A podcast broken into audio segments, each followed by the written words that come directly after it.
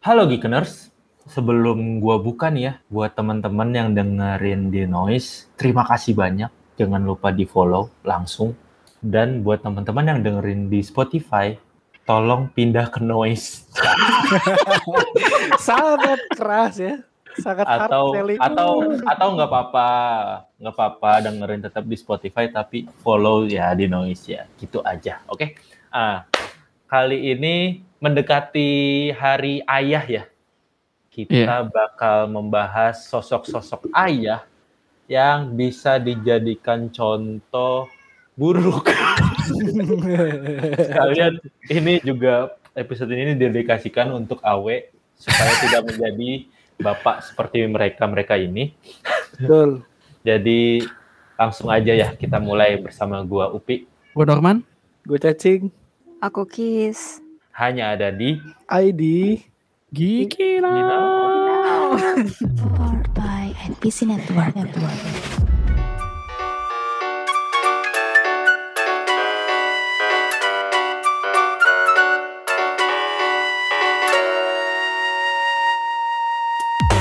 Oke, halo semuanya. Nah, jadi eh, menjelang Hari Ayah Father's Day versi global ya, bukan Hari Ayah di Indonesia ya. Apa ada di Indonesia? Ada. Ada, Eh, ada. ada, Bulan ada, iya. Juli apa Juni gitu kalau nggak salah. Juli hari anak sih. Ya, pokoknya gitu deh. Nah, dan pesan bagi Awe yang baru saja menjadi bapak dari Skywalker ya. Mudah-mudahan anak an- anaknya sehat, ibunya cepat pulih dan bapaknya jangan main mulu.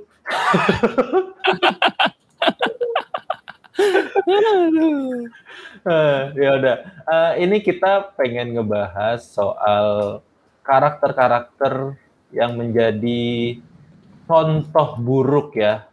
Kalau di Twitter kemarin rame yang suka tolol-tololin anak. Nah, ini kita mereka tidak tolol-tololin anak tapi banyak contoh lainnya untuk menjadi bapak buruk nih seperti mereka nih. Kayak gitu ya. Oke, langsung gua mulai aja deh ya dari nomor satu nih. Ini sebenarnya tadinya episode ini surprise harusnya ya buat Awe. Kita diem. Iya. gitu. Tapi adalah anak lugu. iya, terima kasih kepada Bebek.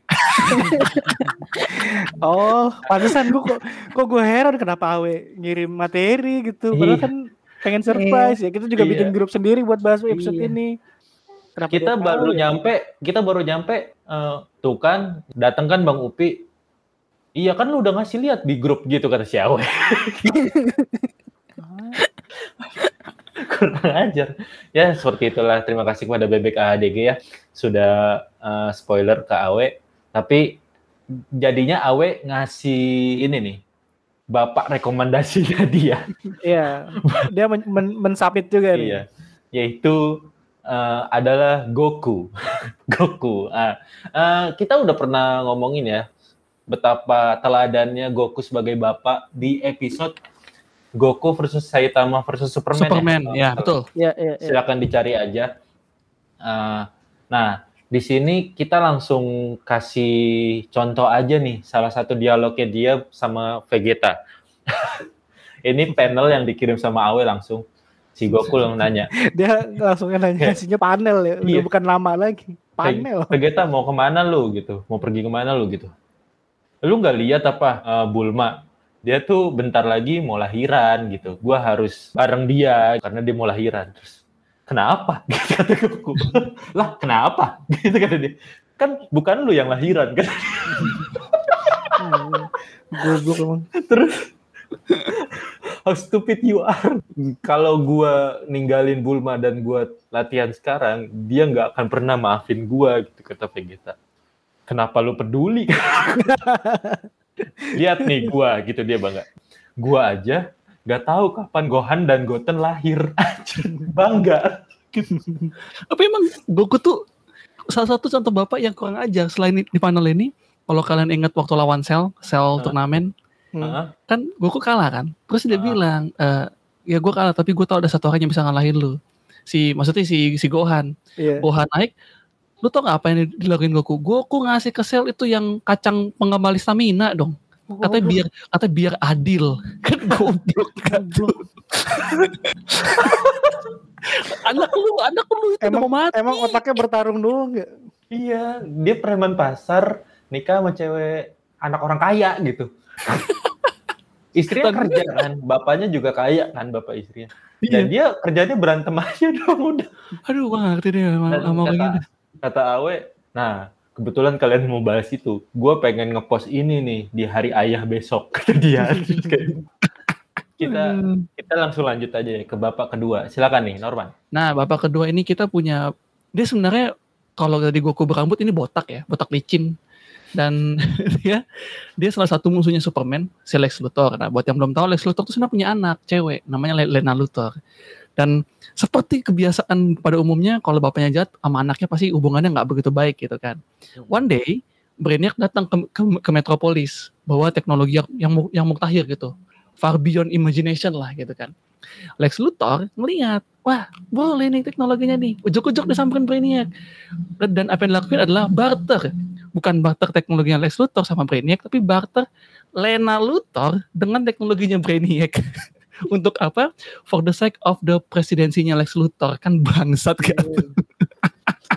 Kayaknya Presiden Trump kalau ada kekuatan yang bisa menjamin dia jadi presiden bakal gitu deh. Betulan nih anak gue cakep-cakep gitu kan. Iya. Nih, mau nggak?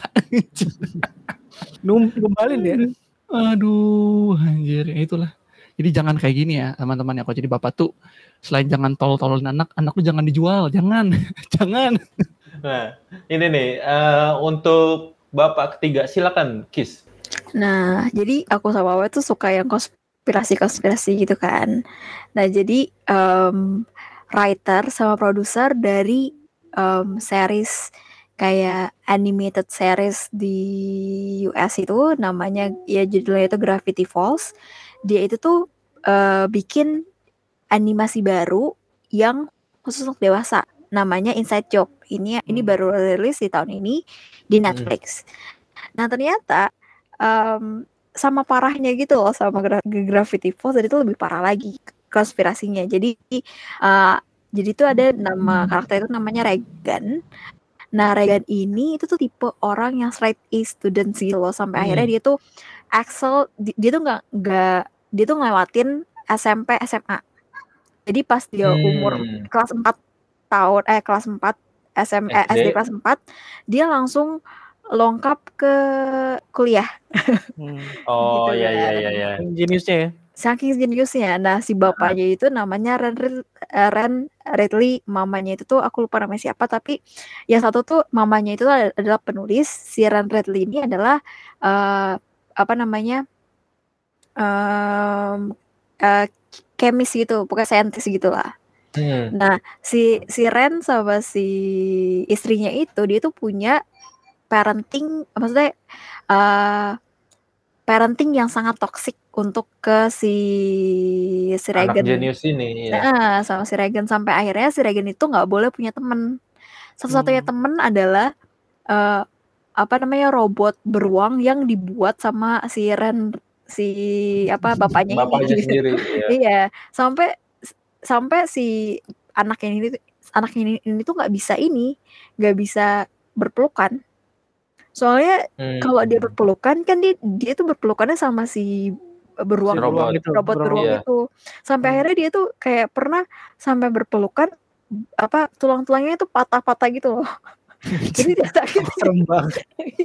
Oh, saking rapuhnya gitu ya, saking nggak pernah pelukan ya. Enggak enggak. Iya. Kuat banget ininya Kuat pelukannya. banget sih bearnya. Oh, Kan. Too strong, too strong. Too strong, heeh. Nah, Robot soalnya. Iya sampai akhirnya tuh si Regan itu tuh punya trauma gitu eh apa sih namanya eh sama bapaknya sama kehidupannya sama orang tuanya gitu kan dan dan yang paling menarik lagi dia tuh sampai nggak punya social skill jadi dia tuh nggak pernah senyum dia nggak pernah punya pasangan Waduh. dan dia tuh bener-bener pokoknya dia tuh bener sendirian banget teman-temannya dia tuh ya ya udah AI robot kayak gitu-gitu Buset. Iya. Buset. Ya itu parah banget sih. Dan ternyata eh dia tuh kayak di erase gitu memorinya sama bapaknya biar dia tuh nggak. Itu parah banget Wah. si bapak ya. Bapaknya itu tiger father banget yang kayak pokoknya lo tuh harus red A gitu kan. Ha- harus jadi Bapak scientist, harus Asia banget ya, Bapak Asia banget. Iya, Bapak sih. bapak Asia banget tuntutan ya. Iya. tuntutan. Ya makanya dinamain bapaknya itu tiger father gitu Tiger katanya. Nah, Itu tuh parah banget. Bapak Sampai biskuat. akhirnya si Reagan Bapak biskuat. anak-anaknya yang ikutan audisi biskuat. Aduh, iya, Iya. benar. Jadi kayak gitu. Diam, diam. Disuruh Betul. Kue kue. Siapa yang beli kue? Benar. Sampai akhirnya si Reagan itu jadi kayak seeking approval gitu loh ke, ke bapaknya. Oh, Kayak Iya, iya, gitu. iya. Dia akhirnya nggak bisa punya pendirian sendiri. ya.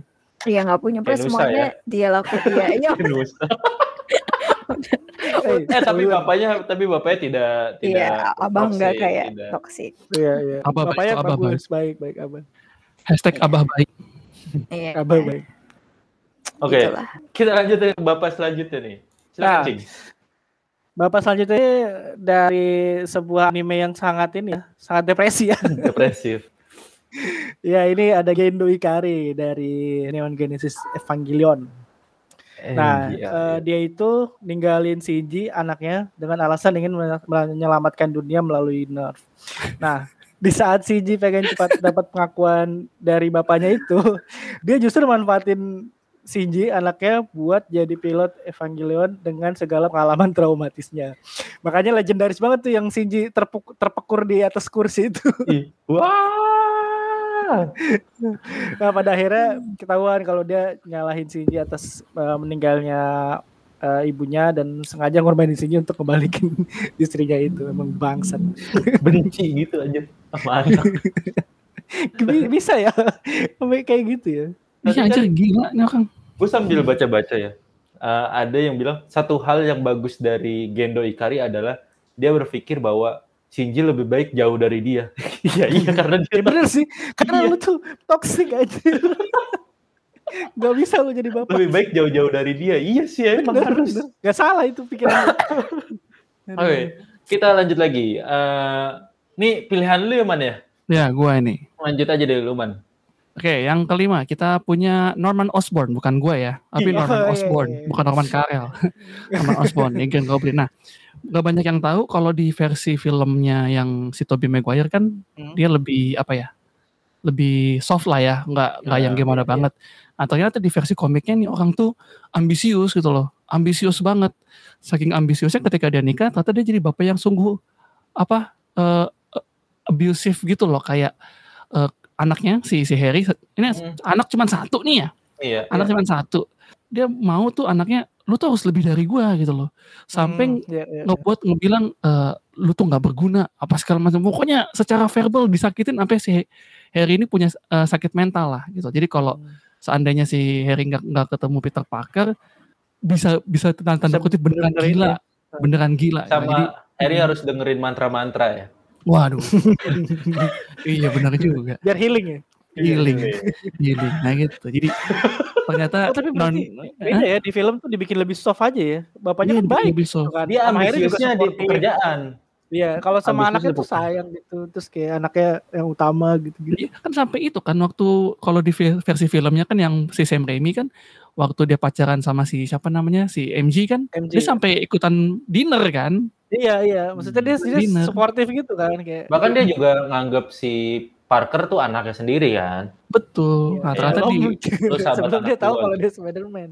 Iya. ternyata kalau di versi komiknya nih bapak ini abusive dan sangat eh, bikin buat bisa orang bisa orang bikin sakit hati lah gitu loh sama sama dia gitu Tapi kayak di Sam Raimi tuh dia jahat gara-gara pas udah kena serum itunya kan. Iya, iya.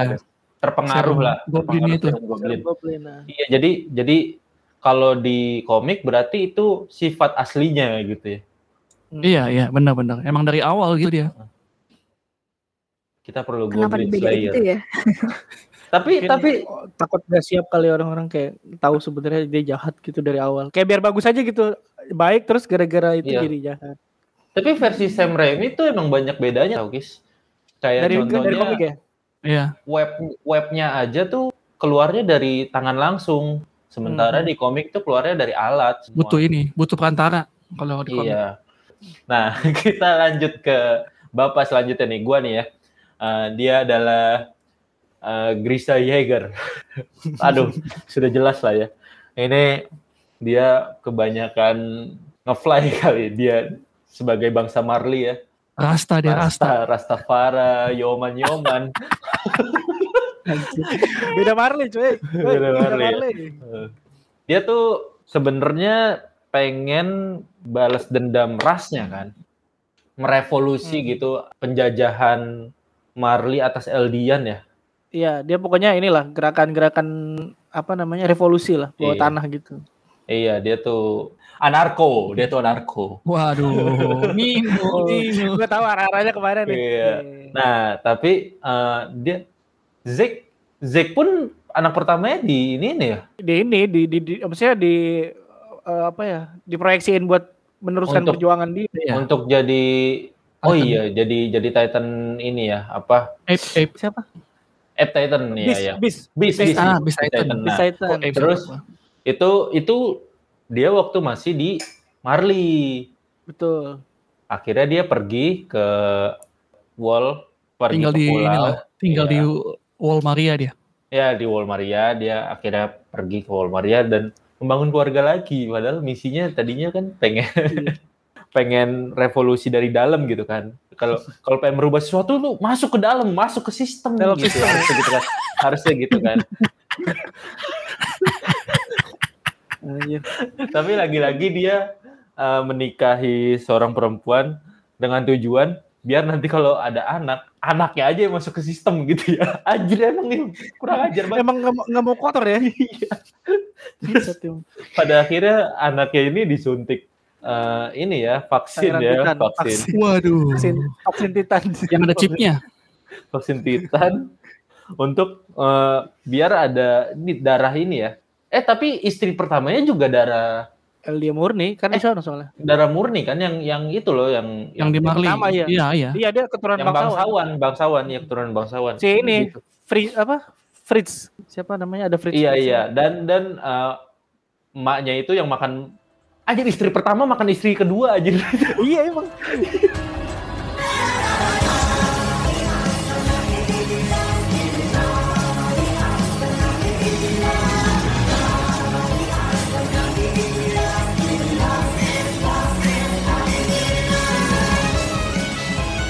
Nah, kita lanjutkan ke bapak selanjutnya. Silakan Kis.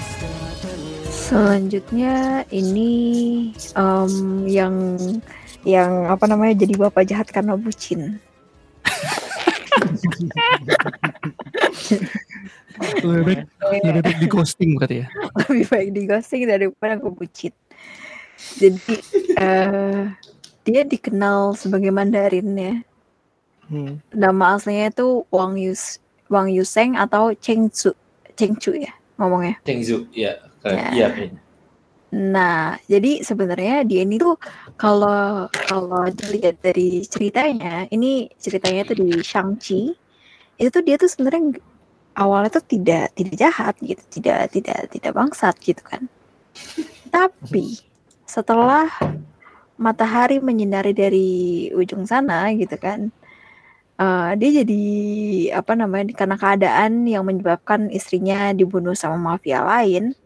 Nah, Hmm. si Mandarin ini tuh akhirnya kayak patah hati gitulah. Terus Marah, dia tuh marah. marah, marah banget sama keadaan sampai bawa itu si anaknya kayak, "Ayo sini, kasih tahu papa siapa yang bunuh mama." gitu kan. Iya. Seru. Anaknya loh, anaknya dibawa ke An- iya. markas mafia terus dia Mafia. ngajarin orang di mana anaknya. iya, gitu kan. Terus Sakit banget. Bayangin si Shang-Chi kan ngelihat ibunya meninggal gitu kan. Terus ngelihat bapaknya ngegebukin. eh balas dendam gitu kan. Terus sampai si si, si Mandarin itu jadi jahat jadi kayak keras banget sama si Hmm. Shang-Chi dan adeknya gitu kan. Sampai akhirnya si adeknya itu di neglect gitu di dibiarin aja gitu kan. Si Shang-Chi disuruh oh iya lo tuh harus apa namanya kuat mama lo meninggal karena lo nya nggak kuat gitu kan di Iya. Kamu tuh lemah. Iya, Kamu harus jadi kuat. Iya gitu kan. Kayak gitu-gitu. Sampai akhirnya si si Shang-Chi juga minta kayak approval gitu ke bapaknya gitu kan sampai akhirnya dia ngelakuin misi gitu kan terus ya udah nggak ada gitu kan si bapaknya tuh kayak tetap tetap helikopter parents kalau kalau zaman sekarang ngomongnya gitu. Anjir, helikopter. Ada ilmu parentingnya ya. Iya. yang kayak ngelihat kayak emaknya Gigi Hadid gitu kan yang ngeliatin Wow. kayak nggak boleh temenan sama ini nggak boleh sama ini bla bla gitu kan sampai akhirnya mereka re- si Shang-Chi-nya rebel hal yang paling aku suka tuh yang pas um, di pertarungan itu di akhir mungkin yang belum nonton bisa dinonton masih ada kayaknya Tanggal 12 nanti, 12 Tanggal November 12 di Disney Plus. Bentar. oh Iya. tanggal 12 di Disney pokoknya ada scene di akhir yang terakhir itu kayak yang eh, si si Shang-Chi itu nanya ke bapaknya lo kenapa sih kayak gini gitu kan terus si Shang-Chi eh, si bapaknya ngomong si Mandarinnya ngomong gini because your mom needs me gitu kan terus eh terus kayak si Sh- Shang-Chi bilang how about us gitu kan we need you more kayak dad kayak gitu gitu terus kayak oh gila itu Hmm. momen yang dia baru realize kalau ternyata oh iya selama ini gue terlalu fokus ke depas gitu kan terlalu Hmm. ngebucin gitu kan nggak bisa move on sampai akhirnya Bucin. Iya loh, dia dalam banget cintanya loh. iya dalam banget cintanya itu kayak lautan dalam tuh udah Dan Lewat BTW gitu. tanggal 12 November itu Father's Day. Jadi Oh, emang Shang-Chi. Ah. Shang-Chi itu rilis rilis pas rilis Iya. rilis pas pas Father's Day. Iya. ya. Pengen Tapi menurut juga Shang-Chi. Shang-Chi itu harus di apa namanya harus ditonton sih untuk keluarga yang lebih baik kita tuh family family Enggak masalahnya MCU tuh sekarang eh, film-filmnya tuh harus ditonton demi tahu continuity doang. Iya. Karena udah terlanjur invest. udah invest lama berapa film gitu. Iya, ya. Jadi gue gitu pengen tahu ya. lanjutannya gimana nih. Iya, Tapi ya itu bagus sih dari Shang-Chi. ya Iya, bagus. tapi yang ini tuh bukan karena kontin- continuity ini tuh karena ini film keluarga yang benar-benar keluarga Iya, ini sih. film keluarga. Family ya, family movie ya. Iya. Iya, family man gitu sih. Jadi bandar. Ternyata di balik sosoknya yang yang garang gitu kan ya, immortal. Bukan gitu yang ganteng ya, bukan yang ganteng gitu. Yang yang yang ganteng, yang cool gitu, tuh Tony Iya. Leung gitu. Tony Leung gitu. Tony Bill, Leung Bill udah- of the Year ya. Iya, ya udahlah. Itu ternyata Mandarin adalah orang yang sangat bucin sampai akhirnya dia nge-neglect si anaknya gitu sih. Hmm. Ini selanjutnya ada dari anime Boku no Hero Academia. Eh pahlawan nomor dua ya. Sempat jadi pahlawan nomor dua dan akhirnya naik jadi pahlawan nomor satu. ada Tapi karena pensiun. iya karena nomor satu pensiun. pensiun. Dan Endover sendiri kesel kan. Kesel dia. Maksudnya, itu tuh Gue nggak mau caranya begini. apa ya gelar yang didapat bukan karena effort karena karena kondisi ya ini ada Endeavor eh apa ya dia ini bangsatnya sebagai bapak adalah eh karena sadar batasan queer eh, Half-Life-nya dia ngebeli keluarga istrinya gitu yang punya eh kekuatan lain gitu supaya dia bisa eh, menghasilkan keturunan-keturunan yang Iya. eh, unggul gitu, ras unggul gitu. kayak ngerasa anjir gue api doang nih, cupu banget. Kayak gue pengen nyiptain eh, sebuah eh, apa ya keturunan atau keluarga yang Eh, strong. apa ya? Jatuhnya apa ya? Kombinasi gitu. Iya iya iya. Jadi di dunia hero society ini ada yang namanya quirk marriage, ya. di mana pernikahan itu uh, didasarkan untuk menghasilkan keturunan dengan quirk yang bagus. Campuran gitu. gitu kan. Anjir. Nah, jadi kan batasan si Hellflame ini adalah uh, dia kalau terlalu panas, penggunanya juga bakal kebakar sendiri gitu. Mhm. Jadi dia tahu kebatas. Nah, dia butuh quirk es untuk menyeimbangkan. Jadilah dia pengen nikah cuman demi punya anak yang punya Ah masalahnya kan kalau anaknya udah lahir dia jadi manusia juga gitu, punya Iya. perasaan, ingin disayangi orang tua, ingin diperhatikan gitu. Nah dia nggak peduli, yang penting anak gue jadi jadi punya kekuatan yang gue pengenin gitu. Iya, bahkan anak pertama, kedua, ketiga Mhm. nya itu nggak dianggap. karena nggak karena nggak sesuai sama ekspektasi dia gitu. Iya. Baru anak terakhir si Shoto- Anak keempat. Oh, ternyata punya empat anak gitu kan. Yoi, yoi. Ini belum ketahuan nih di anime nih. ya. Belum ada, belum ada, belum Belum ada. ada di anime. Nah, gitu. Jadi ya Nah. udah lah ya. iya. Nah, eh, dan Soto si anak terakhir ya, Iya. dia yang perfect lah dibilangnya karena half ice half flame Air gitu. ya, friend. Ya. Gitu. Itulah si Endeavor. Jadi dia pernikahannya tuh kawin kontrak deh. ya. Anjir kawin kok. Siti Nurbaya, Siti Nurbaya. Makanya dia beli ini doang, beli apa ras doang. Dia bilang, "Ah, gue pengen anak gue, misalnya kayak orang, "Ah, gue pengen anak gue keturunan Arab nih cari ya gitu. Tapi yang mau gitu. Tapi sebenarnya untuk ceritanya My Hero Academia ini si Endeavor tuh gede banget ya man, porsinya berarti ya man ya? Iya, gede banget memang. Gede banget. Gede banget ini Maksudnya untuk dia dia sama karakter utamanya tuh agak ini ya, agak kepisah tapi lumayan gede dikasih ininya ya, porsinya. Iya, dikasih porsi gede. Enggak karena pengaruh cerita keluarga dia tuh besar banget di Di universe-nya ya. universe-nya MHA nantinya ke depannya gila sih. Impact, iya benar, impactnya itu loh. Walaupun nantinya dia tuh sadar gitu pas udah jadi ya dari sekarang-sekarang juga udah kelihatan kan kalau Iya. dia tuh pengen pengen lebih dekat ke anak-anaknya. Tapi awkward jadinya.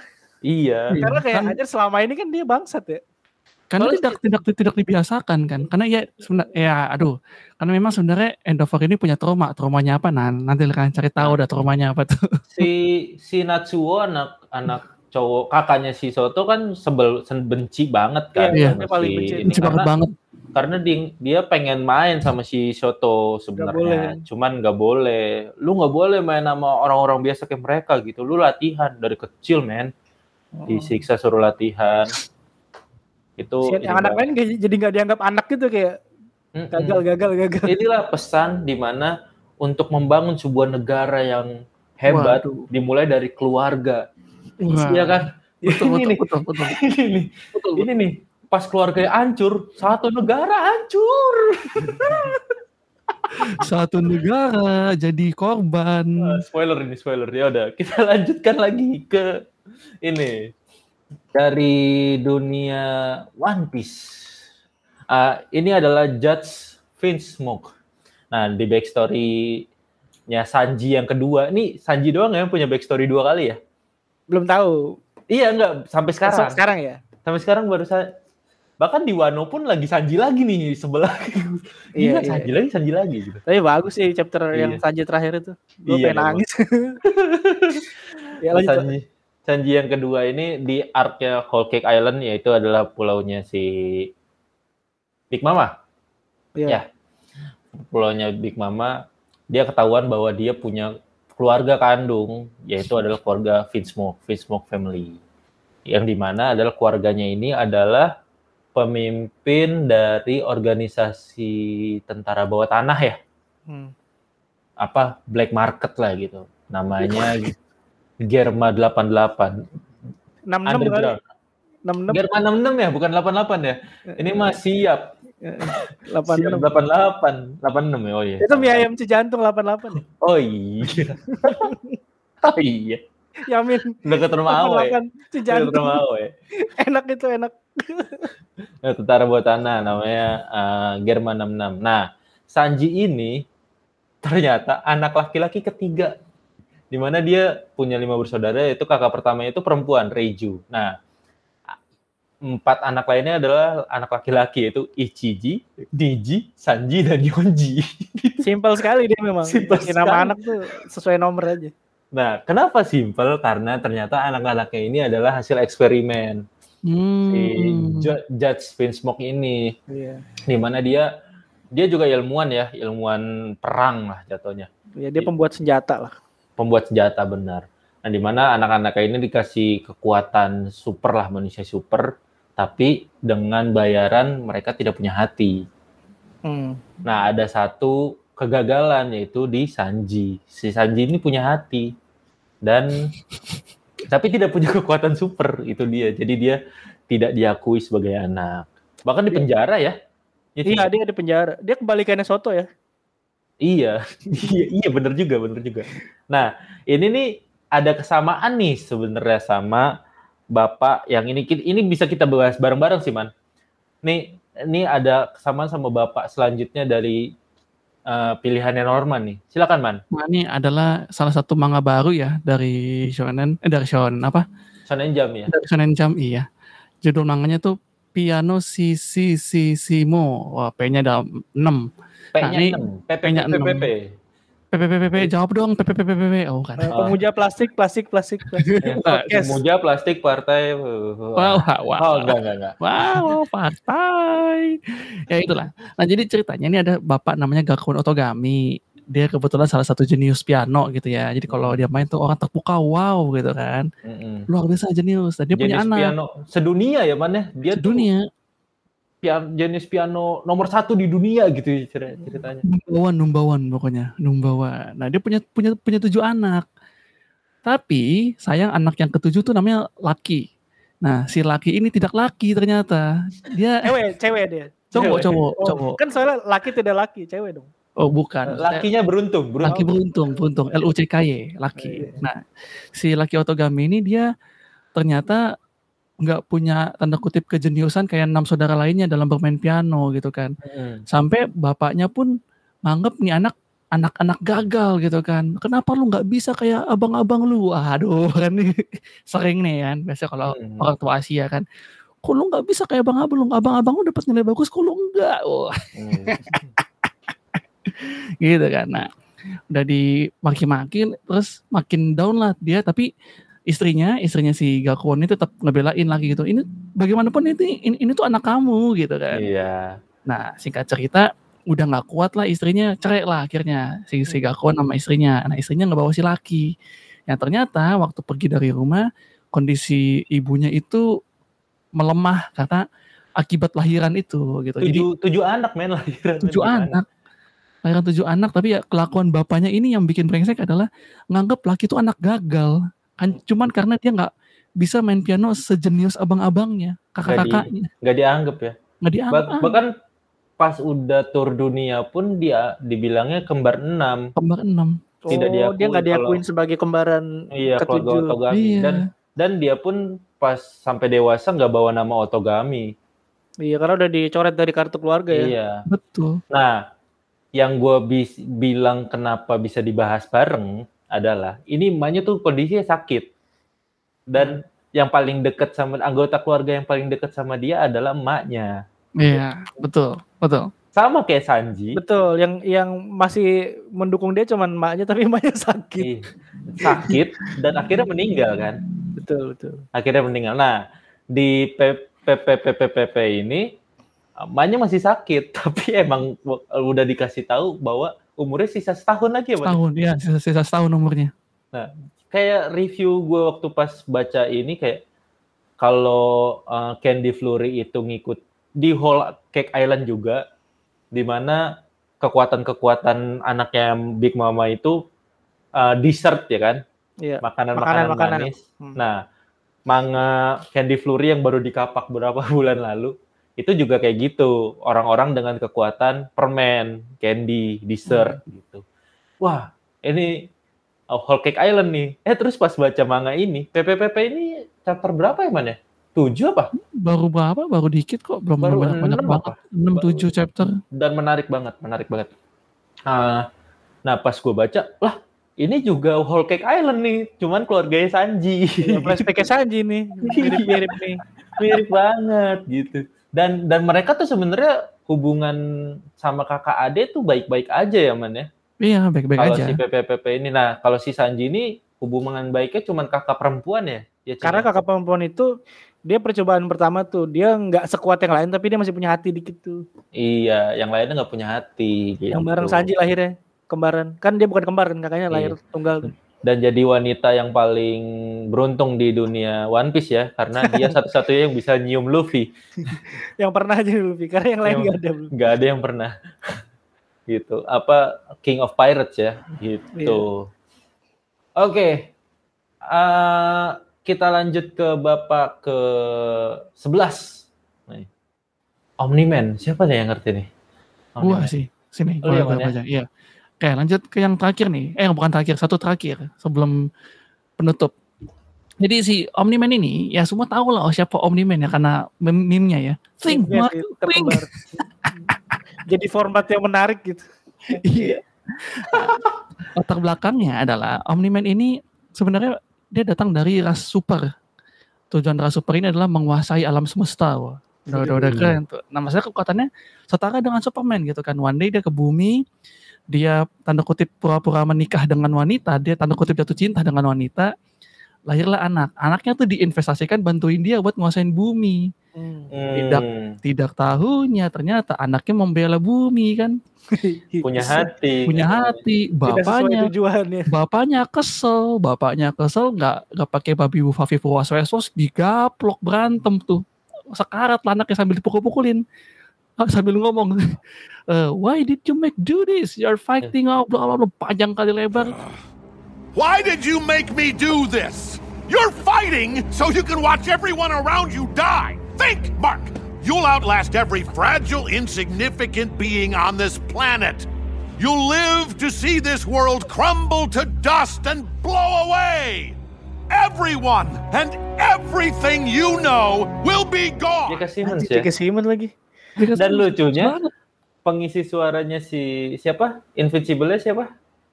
Eh, Ah, Stephen Yeun. Stephen Yeun yang Gwen. Yang jadi ini. yang di Walking Dead eh, yang mukanya ancur-ancuran dipukul pakai tongkat eh, Baseball. baseball. Nah, di Ah. sini dia berperan mukanya hancur-hancuran juga dipukulin bapaknya. bapaknya iya abis bener-bener abis Pakar muka hancur-hancuran. abis bener-bener abis tapi ini sih eh, fakta menariknya adalah seharusnya kan satu pukulan lagi maka tewas lah dia kan. Ah. tewas si Invincible-nya. Cuman bapaknya nahan gitu nahan kayak ini ini masih anak gua. Tapi bagian paling brengseknya setelah, setelah itu pergi keluar ngancurin sebuah planet nikah lagi sama orang lain dan eh, setelah dia nikah sama orang lain dia punya anak lagi jadi dia dia memang nggak nguasain bumi tapi dia nguasain planet planet lain Oh, jadi jadi eh, itu alien ya yang dia nikahin ya? iya alien Alien lain. Oh. Cuman ini kan nanti bakal lanjut kan ya ke season lanjut 2 ya? lanjut lanjut season 2 ya itu lanjut ke Lanjut yang aja. ke planet lain tuh Oke. Nah, yang terakhir ini adalah oh, bapak paling luar biasa sini di seluruh dunia. Pasti tiap hari ayah tuh ada yang yang ngupload vid, apa gambar dia tuh foto dia tuh Iya. karena sangat dikenang gitu Iya. sebagai bapak yang bangsat gitu. bapak panutan iya, pokoknya eh, gampang gitu kayak gondrong tapi anjing gitu Aduh. atau eh, Animal Crossing gitu kan. Ini mah. wow wow wow Kayak eh, dia dikenal sebagai live showing alchemist. Wah, udah tahu nih ya alchemist. Itu Hmm. dari Fullmetal Alchemist tentunya. Dia terkenal dengan pengetahuan dan penemuan-penemuannya di dunia alchemy, chimera, dan biologi. Namun pada akhirnya tiba-tiba ada anjing yang ngajak main. Tapi bisa ngomong anjingnya. iya anjir bisa ngomong Oni Chan. Oni. Let's play Oni Chan. Aduh sekali aduh. Nih, Itu nih, ada nama nih inget nama bangsat ini namanya Shaw, Iya. Shaw Tucker. Show Tucker. Aduh, dia anaknya segemes itu Eri Chan dijadiin chimera digabungin sama anjing kesayangannya astagfirullahaladzim ya Allah bapak apa ini ini Itu itu demi itu demi apa namanya? penemuan penemuan dan setoran sebenarnya dia ditagih sama pemerintah kan. Ayo Iya. nih, ya ya kamu belum store hasil penelitian kamu nih. Apa nih? Oh deadline deadline apa? Ah, anak gua aja nih. Anak gua. Brengsek ya. tapi memang ini sih ini sosok sosok sosok bapak yang yang yang kita sepakati bersama ini tuh bukan bukan bapak ini. Ini ini emang emang emang anjing aja nih orang nih.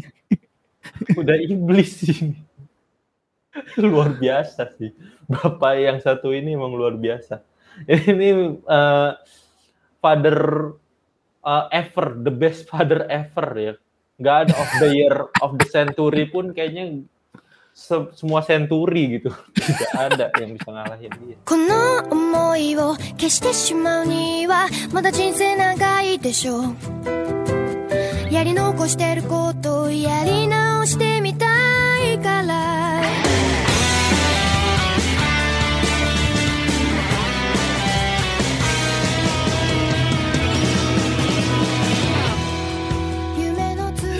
Oke, okay, kita langsung masuk ke Kiss ya. Silakan Kiss, honorable mention Kiss. Iya, jadi honorable mentionnya ada Gin. Ini nggak honorable sih karena dia bangsa semua ya. Iya, unhonor. Honorable mention. honorable mention gitu ya. Jadi hati-hati nih gitu kan. Ada Gin Frex ya. Iya, ini adalah bapaknya Gon. Hmm, Gon ya dia dia dari Gon Oh. kecil udah Gon ya. Iya. Iya, Dia hilang sebagai the best hunter di di dunia gitu. Iya. Akhirnya anaknya terinspirasi pengen jadi kayak dia, pergi-pergi mencari dia dan pengen jadi hunter juga kayak bapaknya. Pas ketemu bapaknya, bapaknya cerita si Gin ini. "Eh, mimpi gua mati Hmm. Eh, sejak kapan gitu kan. Terus dia nanya nanya ke Gon, lu lahir kapan? Eh umur lu berapa? 9 tahun. Oh iya, mimpi gua hancur 9 tahun yang lalu gitu. Apa sih? Dia nggak jelas banget. Berarti mimpinya hancur semenjak anaknya lahir. Kan kurang ajar banget ya. nah, silakan selanjutnya Kis. Terus ada Rasa of the Sun. Ini anak senja ya. Bapaknya Gara, bapaknya Gara. Bapaknya. Oh, bapaknya Gara. Iya. Oh, iya. Yang Ya. pengen ngebunuh si Gara kan. Ya, yang mm, mm. Gara pengen dibunuh. Terus ada Van Hohenheim.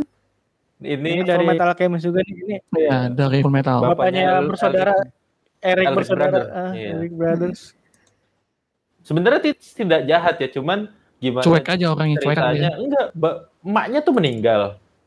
Iya. Emaknya Elric Brothers ini meninggal, terus dia pergi aja gitu ninggalin anaknya. Dan tidak Kayak- dititipin ke mana-mana kan? Enggak, enggak di Iya, rumah di rumah. Akhirnya mereka ini berkelana sini nyari guru. kan goblok ya. Ditinggalin aja gitu Ditinggalin. di rumah kelaparan. Anjir, banget. bapaknya. Bapaknya mungkin ini apa pengen me time kan menenangkan diri, tapi Iya. keterusan. Sampai lupa punya anak. Iya, Parah sih. Terus selanjutnya Ki. Terus ada Takia Hideo. Ini bapaknya Takia Genji. Oh ini ya ini, ini kan bos bos mafia. Mafia, iya. Nah sebelum dia ngasih anaknya eh, apa namanya wilayah, dia nyuruh anaknya taklukin sekolah. Kan Iya. maaf ya memang mafia sih. Cuman udah kayak Iya. gitu anaknya naklukin sekolah ujung-ujungnya jadi tukang cukur juga.